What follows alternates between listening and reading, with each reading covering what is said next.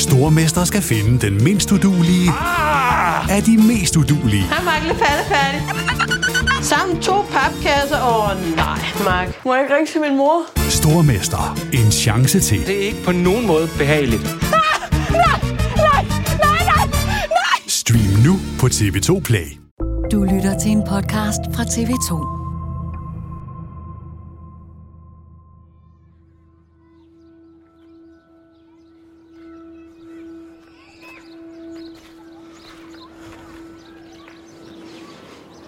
Det er lige der.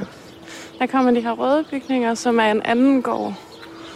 Og så nede ved den gule bygning dernede, så er det der, den grønne port er.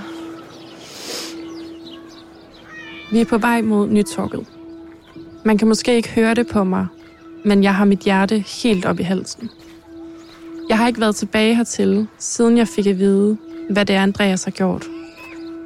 Og jeg er nervøs for, hvad synet af min gamle lejlighed vil fremkalde af minder, som jeg måske har fortrængt. Min gamle lejlighed, der nu er et gerningssted. Men jeg er også nysgerrig. Så lige der. Jeg tror godt, jeg kan huske koden.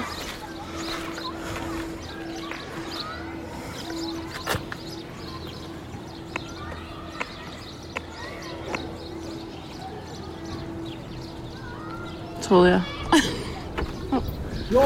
Ja, välkomna! Eller ni var inte på väg hem? Utan Ja, ni... ja, det var vi her. Nej, men, ja, men då får ni komma. Ja, tak. Och Vad ska ni göra? Jeg har boet her. Va? Har boet her. Du bodde där borta i hörnan? Ja, Dansken där. ja præcis. Kan du godt huske Och kände, vad hette han då? Blev, Andreas. Andreas ja. Ja, jeg boede i hans lejlighed. Men jeg vidste jo ikke, hvad... Altså, jeg vidste jo ikke, hvad han lavede. Det var då. Hvad? Det var tur det. Svend er lidt svær at forstå, så jeg oversætter lige. Han fortæller, at han og naboerne var rystet, da det gik op for dem, hvad Andreas havde lavet i lejligheden. Der var ikke nogen, der havde haft mistanke om noget som helst. Han fortæller om den dag, politiet kom og tog Andreas. Det var en voldsom scene. 12 politibetjente med våben og visir, narkohunden og politibiler. Politiet pågreb ham om morgenen. De smed ham op på siden af politibilen og gav ham håndjern på. De husker, at der var sne, og han havde kun sit undertøj på. Mona og Svend kunne følge med i det hele inden fra deres vindue. Svend spørger ind til, hvad vi skal, og jeg fortæller, at jeg gerne vil snakke med den nye pige, der er flyttet ind i lejligheden. Jag vet inte om hemma. eller- Han ved ikke, om hun er hjemme. Men han siger, at vi godt kan få lov til at snakke med hans kone, hvis vi har lyst. Hun kendte Andreas ret godt. Sitter. Nå, hun er hjemme. Vi går ind til Mona. Kan du, jeg boede i... Ja, jag känner igen det. Mona går lige til sagen, selvom vi braser ind midt i hendes frokost. Vad jag liksom, vi, ja, vi vet ju mycket för det har ju varit mycket poliser här. Hun fortæller, at naboerne har ret forskellige opfattelser af Andreas. Alt efter, hvor de bor i gården. Dem, der bor tæt på hans lejlighed, har et anstrengt forhold til ham. Og dem, der bor længere væk, kan godt lide ham. Mona og Svend bor tre opgange fra hans lejlighed, så de synes ret godt om ham. Ja, vi tyckte ju om Andreas. Det var ju- Ja, det var han var söt, han var mjuk, han var vänlig. Især Mona havde et nært forhold til ham. Hun var lidt som en mor for ham, fortæller hun. Men jag var mer som en mamma för honom. Hun skældte ham ud, når han ikke afleverede ting tilbage, han havde lånt af hende. Hun lærte ham, at man altså ikke kan vaske uldtøj på 90 grader. Og hun låste ham ind i gården sent om natten, når han var taget i byen uden sine nøgler. Jag var den där, Han var lidt som et barn, fortæller hun. Et billede, jeg sagtens kan genkende. för han var ju som en 17-18-åring. Han gick ju alltid i shorts eller någonting och någon tröja med luva och ty- typiskt den där. Men sen vet jag Åsa som Hun fortæller om Åsa, der boede i lejligheden over Andreas, som havde et noget andet indtryk af ham. I virkeligheden kunne de slet ikke fordrage hinanden. Och han var så arg på henne. Hun var irriteret på ham, fordi han altid holdt fest og larmede meget. Han røg cigaretter ud af vinduerne og spillede høj musik. Och en gång kastade han... Vad var han kastade på hennes Ja. Ja, alltså han, han, han var så arg på Åsa. Och så var han ju arg på Roffe. Det samme galt naboen Roffe, der også bor i Andreas' opgang. Mona fortæller os om en episode, hvor Roffe råber af Andreas i vaskerummet. Men uden at det påvirker Andreas det mindste. Så sa jag till Roffe, men Roffe måste du skrika när du pratar med Andreas? Kan du inte prata lugnt? Och då säger Andreas här, nej Roffe har för lite att göra. Så han, alltså han Det hele virker en lille smule komisk. Uskyldigt næsten. Lidt som en komediefilm. Der er ligesom drama og intriger i den her gamle gårdforening. Men der er ikke nogen af dem, der mener det alvorligt. Det hele er med et glimt i øjet. Sådan som Mona hun fremlægger det for mig, der ser jeg i hvert fald ikke en voldtægtsmand for mig. Mere en teenager, der har svært ved at blive voksen. Hvornår fandt I ud af... Jeg spørger dem ind til overgrebene, og hvornår de fandt ud af, hvad han havde gjort. Og Mona understreger over for mig, at de ikke anede noget, imens det stod på. Vi visste ingenting. det slet ikke. Ingenting. Vi visste bara att han, att han träffade flickor. De havde godt bemærket, at han tit havde kvinder på besøg. Men det var jo heller ikke så underligt for en ung, sød fyr, der gik meget i byen. Men det var väl inget konstigt en ung kille som ser eh, söt och bra ut och är snäll och gullig. Det var väl inte så konstigt att han hade flickor här. Pludselig fortæller Mona mig, at Andreas åbenbart havde en diagnose. Men jag, min uppfattning med honom det är att han hade ju ADD. Han havde ADD. Det er en psykisk funktionsnedsættelse, og symptomerne er uopmærksomhed og koncentrationsvanskeligheder. Man har let ved at blive distraheret af tanker, følelser og ydre stimuli, og så har man svært ved at skabe overblik, planlægge og gennemføre aktiviteter. Mona mener altså, at det er årsagen til, at han begik overgrebene. Ikke for at gøre kvinderne ondt, men fordi det lindrede hans ADD. Det er åbenbart noget, han har sagt i retssagen, og som Mona og Svend også har talt med Andreas' far om. Jeg tænkte på, um, altså du sagde, at, at I havde mødt øh, Andreas' pappa og mamma. Oh, ja. Da jeg spørger ind til hans forældre, er det tydeligt, at både Mona og Svend føler meget stor sympati for dem. Især for faren, som ifølge dem var et meget varmt og venligt menneske. De fortæller mig, at i tiden efter Andreas var blevet hentet af politiet, var han forbi at undskylde til naboerne for Andreas' opførsel. Han ryddede også op i lejligheden efter Andreas og malede den. Han og Andreas havde haft et meget nært forhold. Især Svend har svært ved at forstå, hvordan Andreas kunne ende sådan, når han har så gode forældre. De var ju alltså underbara föräldrar. Ja, det var Man tycker det är konstigt att, att det liksom kan gå snett. Nej, det var, det var hans eh, ADD, hans sjukdom. Det tror jag. Jeg spørger dem ind til den unge kvinde, der er flyttet ind i lejligheden nu her. Svend har tjekket, at hun ikke er hjemme.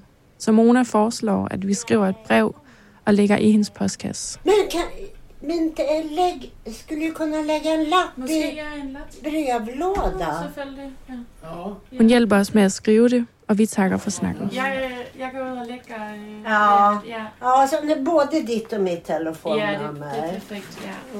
ja. Okej. Ha' det godt. Hej. Hej.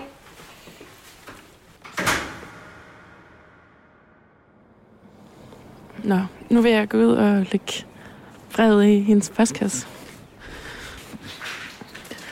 Det er en af de første, synes jeg, jeg kan huske. Sådan. ja, shit. Jeg har talt med mange i periferien af sagen nu. Katrin Krantz, Karoline, Mona og Svend. Men jeg er nysgerrig på at komme tættere på. Jeg vil gerne tale med nogen, der kan fortælle mere en til en, hvad det er, Andreas har gjort, og hvordan han gjorde det. Jeg har derfor taget kontakt til en journalist fra SVT. Det er den svenske pendant til Danmarks Radio. Ja, jeg er der om 10 minutter. Okay. Han hedder Jimmy Kievismeki. Hej. Hey. Uh, vi skal besøge Jimmy. Ja, taget. Ja, og han har lavet en dokumentar om Andreas Holm. Dokument inde fra Nytogsmanden, som den hedder. Og i den dokumentar, der taler han med flere af de kvinder, der blev udsat for overgreb af Andreas. Eftersom kvindernes navne ikke er offentliggjort nogen steder, så er han det tætteste, jeg kommer på deres historier lige nu. Jeg er spændt på, hvad han kan fortælle mig om kvinderne. Hvem de er, og hvad der egentlig skete for dem. Okay, tak. Og så er jeg spændt på, om han kan hjælpe mig med at komme i kontakt med nogle af dem. Hej. Han forstår ikke så godt dansk, Jag kommer att fråga om jag inte förstår. Jag kan inte danska så bra. så vi tager den på engelsk. Jeg spørger ind til, hvem kvinderne var. Om det var en bestemt type, han gik efter, eller om det bare var helt tilfældigt. Han fortæller, at fordi der var så mange ofre, så kunne man godt finde lighedstræk. For eksempel i kvindernes baggrund. But the thing is that this guy has abused anyone. It doesn't matter who it is. He has just chosen people when the opportunity has been there. Hmm. If someone has fallen asleep in his apartment, if it's a girlfriend, if it's a date, you know, it, that was kind of the most shocking thing for us too to see that he he didn't have that clear mo of victims. Anyone could could have been his victim. Jeg spørger Jimmy, hvad han ved om overgrebene. Hvad Andreas gjorde ved kvinderne. Han fortæller, at størstedelen af gangene, der ventede han til kvinderne var faldet i søvn. Og så filmede han deres krop og underliv. Enten med sin mobiltelefon eller med et GoPro-kamera. Optagelserne er i forskellig længde. Nogle af dem er kun 30 sekunder. Andre er halvandet minut. Det er derfor svært at vide, hvad han præcist har gjort mod kvinderne, på baggrund af bare optagelserne. Jeg spørger ind til, om han kan give nogle konkrete eksempler på de overgreb, Andreas begik. Jimmy nævner to, som Andreas også er blevet dømt for at have begået. I det første eksempel er en ung kvinde til fest hos nogle venner. Det er sent på aftenen. Alle har drukket tæt og er ret fulde. Inklusiv den unge kvinde. Lad os kalde hende for A. Vi sidder i stuen og drikker, og så på et tidspunkt kommer en af mine kollegaer til festen. Hun har taget en fyr med, som ingen kender. Det er en, hun har mødt på en bar, som hedder Andreas Holm. Og øhm, de slutter sig så til festen, og vi drikker videre et par timer endnu, til folk begynder at gå kold. Og så lægger jeg mig til at sove i sofaen. Min kollega ligger sig i den anden ende af sofaen, og ham fyren, Andreas, ligger sig i midten. Og så falder vi i søvn.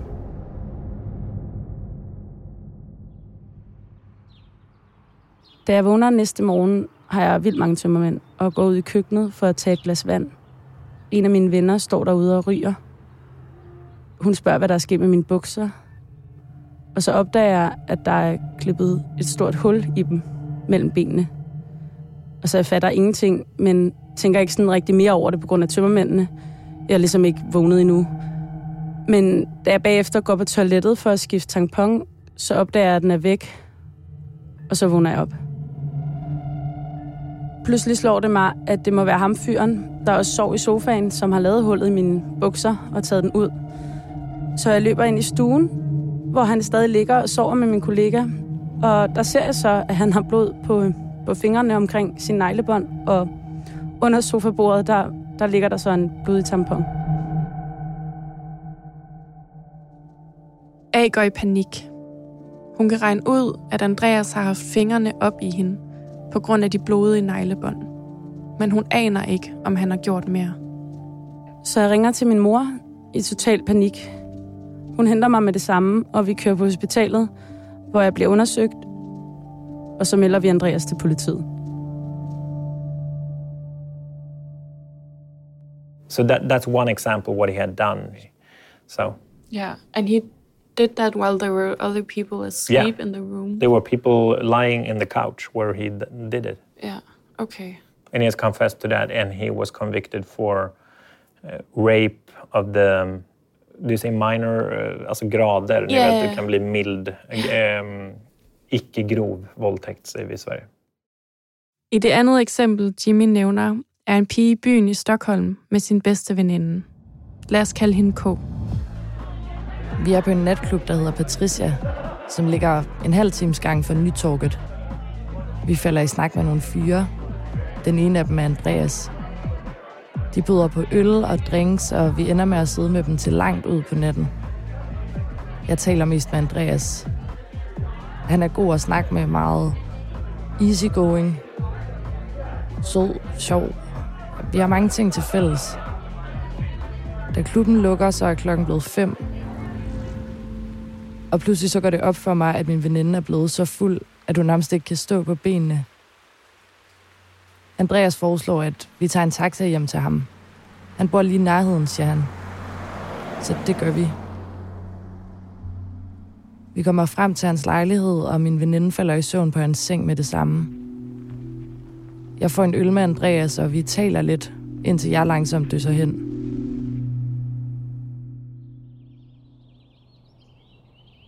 Næste morgen vågner jeg med et sæt. Det var ikke min plan, at vi skulle sove hos ham.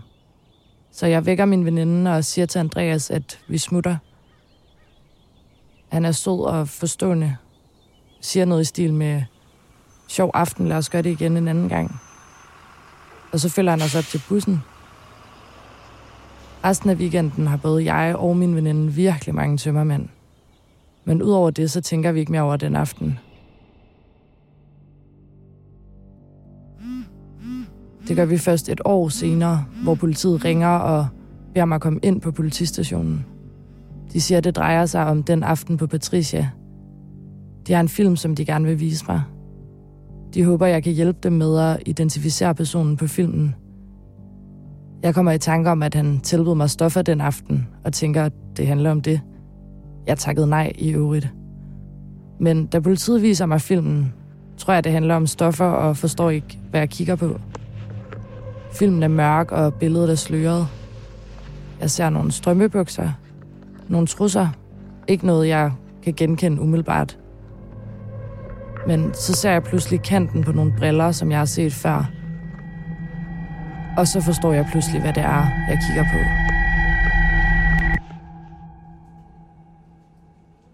So she gets to know that she has been abused in a police hearing room where she sees this film on a, on a computer. Uh, and it's like a very short film where you see he has like taken her clothes up and his hand down there.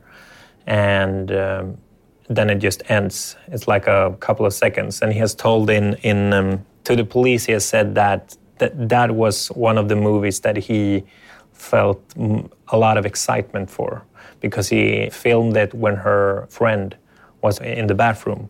So he knew that he maybe had like a minute to uh, get what he wanted. So that's also like kind of a bit spooky to kn- know that he has had his own couple of favorite films of abuse.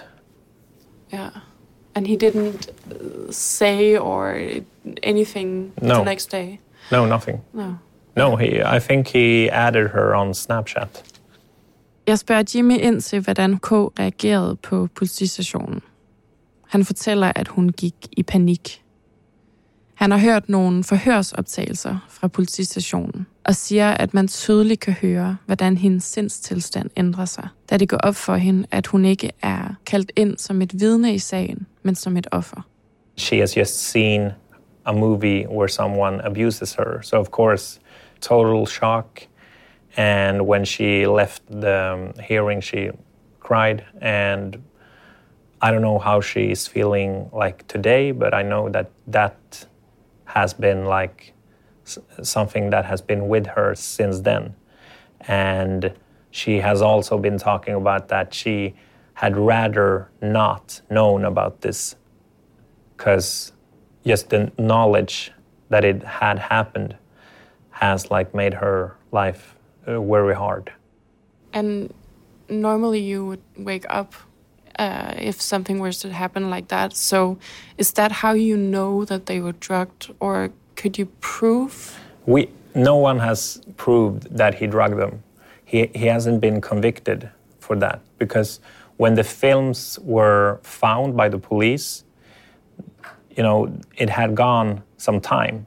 So all of the victims could claim that I slept like I was drugged and so on and so on. But he has never been convicted for that, for drugging anyone, because you, you just can't prove that. And he's never... Uh, He has never uh, admitted that. No. No. Okay. Selvom det er blevet fremlagt sådan af mange medier, så er det altså ikke blevet bevist, at han har drugget kvinderne, inden han forgreb sig på dem. Jeg spørger Jimmy ind til, hvorfor nogle medier så har skrevet det alligevel. Uh, we haven't said that in the documentary, but I have read other news media, and I just think that that's the conclusion that the media makes. Um, this is, I don't know, but I, I, I would think that he was a guy who took a lot of drugs. He has some some people has told us that he also always had drugs on him. Uh, he was, you know, sharing the drugs with people on parties and so on, and that makes you like, it's it's not hard to believe that he has done that, that he has given people pills of some sort to, like, make it easier for him to uh, do what he wants to do. But you know, we can't prove that. Jeg spørger Jimmy, om Andreas på noget tidspunkt har forklaret, hvorfor han begik de her overgreb. In the audio tapes that we have and in the court, he has been talking about it as something that he has done when the chance have come to him. And uh, he has been living a life where he has taken a lot of drugs, he has been drinking a lot. Uh, he didn't really care, he ha- didn't have any job.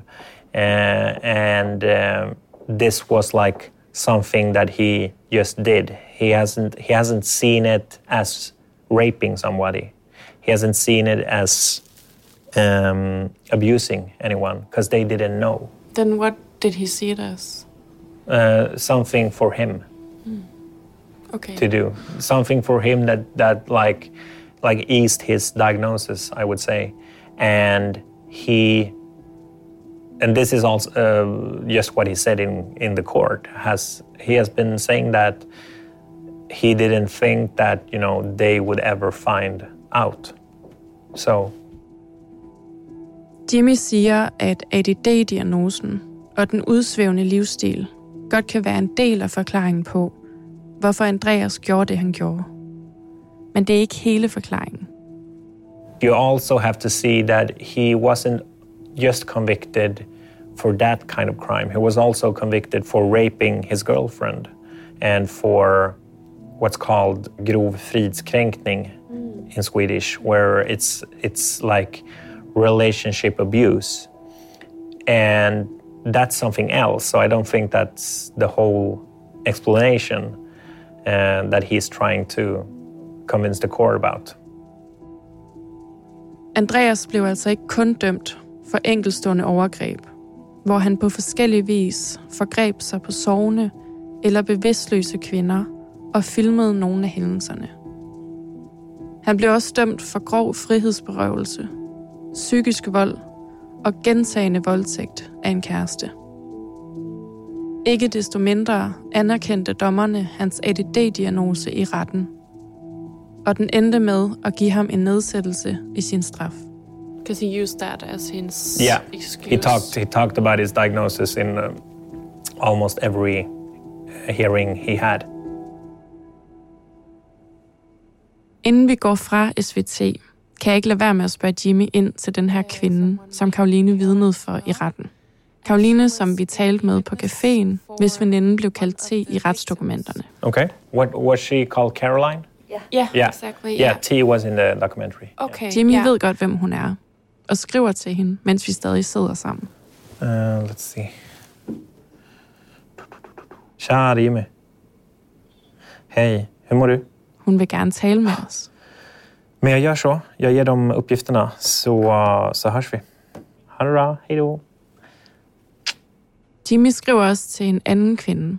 Ja, hon skriver också att det är okej, men hon förstår inte danska. Hun er flyttet fra Stockholm og kan ikke forstå dansk. Men hvis ingen af delene er et problem, vil hun også gerne fortælle os sin historie. På falderæbet spørger jeg også Jimmy, om han har talt med Andreas i fængslet, og om han ved, hvordan vi kan komme i kontakt med ham. Ja, jag har ju skrivit till honom. Han fortæller mig, at jeg kan skrive et brev til ham i fængslet. Hvis Andreas har lyst til at se mig, og fængslet godkender besøget, så kan det faktisk godt lade sig gøre. Jimmy fik selv afslag på sin anmodning. Och han har ju tackat nej då. Han finder svaret frem i sin taske. Eller vänta. Eh... Jajamän. Det er kort og formelt. Han, ja, ungefär. Han skriver... så. Hey, tak for dit brev. Tak for Det dit brev. Det er stadig ikke aktuelt på nuværende tidspunkt. Med venlig hilsen, Andreas. Det er virkelig underligt at se hans håndskrift. Han sidder åbenbart i Göteborg og ikke i Stockholm. Nej, men ni kan bara skriva av adressen där. Ja.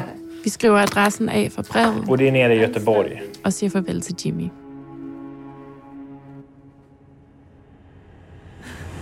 Ej, jeg er lettet. Så lettet. Det var perfekt at snakke med Jimmy. Det var lige som jeg havde håbet, at han kunne hjælpe mig med at sætte, sætte mig i kontakt med nogle ofre. Og han har en god kontakt til dem, og de stoler på ham. Så det der med, at han ligesom kan sætte mig i kontakt med dem og blåstemple mig, eller hvad man siger. Det var også ret vildt det der med at se, altså se brevet fra Andreas. Og øh, nu ved jeg, at jeg skal skrive et brev til ham. Jeg glæder mig. Jeg glæder mig til at skrive det brev. Ja, og til at formulere sådan, hej, husker du mig?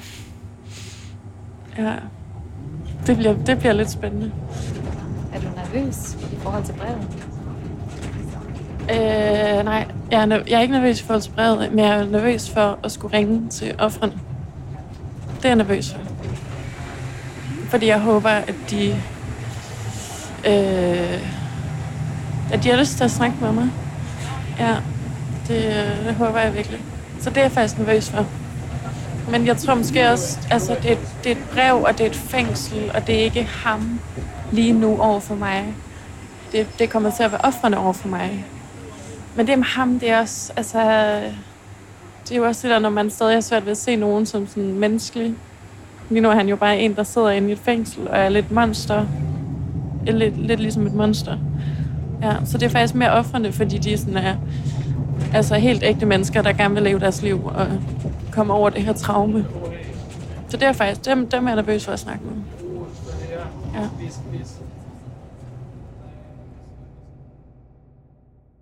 Okay. Øhm. Da vi kommer tilbage på hotelværelset, skriver jeg brevet til Andreas. Kære, kære Andreas. Efter virkelig mange udkast, er det det her, jeg ender med at skrive. Jeg ved ikke, om du kan huske mig. Kære Andreas. Jeg ved ikke, om du kan huske mig, men jeg boede i din lejlighed i 2019. Efter jeg kom tilbage til Danmark, blev jeg kontaktet af en af dine bekendte, som fortalte, hvad der var sket. Det har efterladt mig med en masse spørgsmål, og jeg har derfor besluttet mig for at lave en radiodokumentar, hvor jeg forsøger at finde svar. Jeg vil rigtig gerne besøge dig i fængslet, tale med dig og stille dig nogle spørgsmål, som har fyldt hos mig, siden jeg fandt ud af det. Jeg vil gerne høre din side af sagen. Hvis du er okay med det, vil Josefine, som jeg laver dokumentaren med, gerne komme med og optage samtalen på lyd. Ellers kommer jeg alene. Jeg vil selvfølgelig møde op med åbenhed og give dig mulighed for at fortælle din side af sagen. Jeg håber virkelig, du har lyst til at snakke med mig. De bedste hilsner fra Karoline. Godt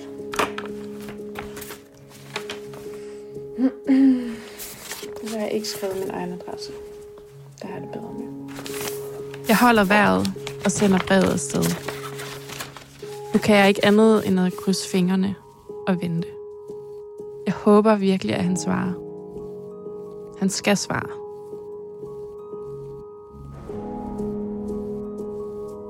Min Seng er et gerningssted er produceret af Beam Audio Agency for TV2. Tilrettelæggelse og manuskript Josefine Maria Hansen. Lyddesign og kompositioner Ida Skovskov. Redaktør Christian Ottenheim. TV2-redaktører Michael Nørgaard og Stefan Lekelek. Mit navn er Karoline Nord. Du har lyttet til en podcast fra TV2.